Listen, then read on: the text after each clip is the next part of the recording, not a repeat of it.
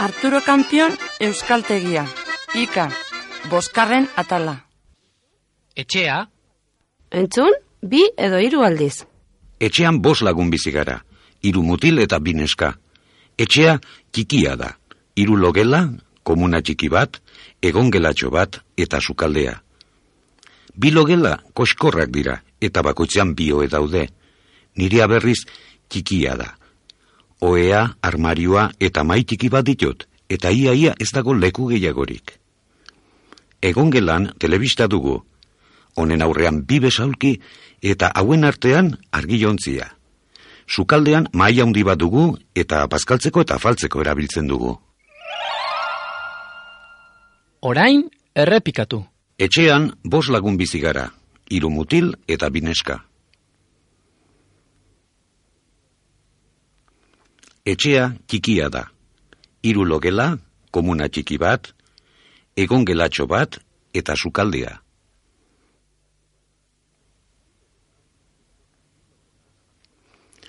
Bi logela koskorrak dira eta bakoitzean bi hoe daude.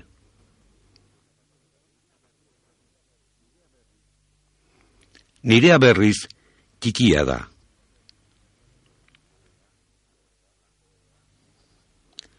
Oea, armarioa eta mai txiki bat ditut.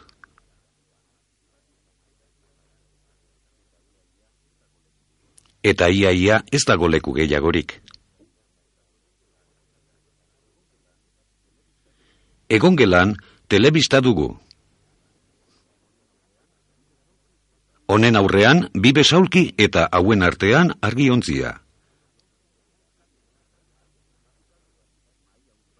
Sukaldean mai handi bat dugu. Eta bazkaltzeko eta afaltzeko erabiltzen dugu.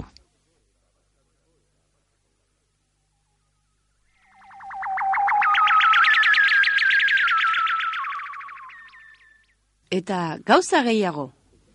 Komunean, zer dago? Komunontzia, bertan pixa eta kaka egiten dugu. Konketa. Honetan, aurpegia, hortzak eta eskuak garbitzen ditugu. Bainontzia, bainatzeko, Ispilua, zure aurpegi ederra begiratzeko. Sukaldean, zer dago? armarioa, Zutegia, hemen, janaria prestatzen dugu. ikustailua, arropa garbitzeko, Ozkailua, janaria kontserbatzeko. arraska, bertan ontzia garbitzen ditugu. Ur berogailua, ura berotzeko. Logelan, zer dago? Oea lo egiteko eta... mm, Maitxoa, liburua, erlojua, hautsontzia eta horrelako gauzak usteko.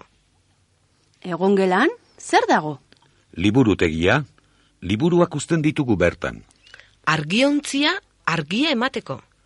Apalak, lorontziak, argazkiak, irudiak eta horrelako gauzak jartzeko. Besaulkia, lasai-lasai egoteko. Telebista ETB ikusteko. Orain, egin zuen etxearen deskribapena.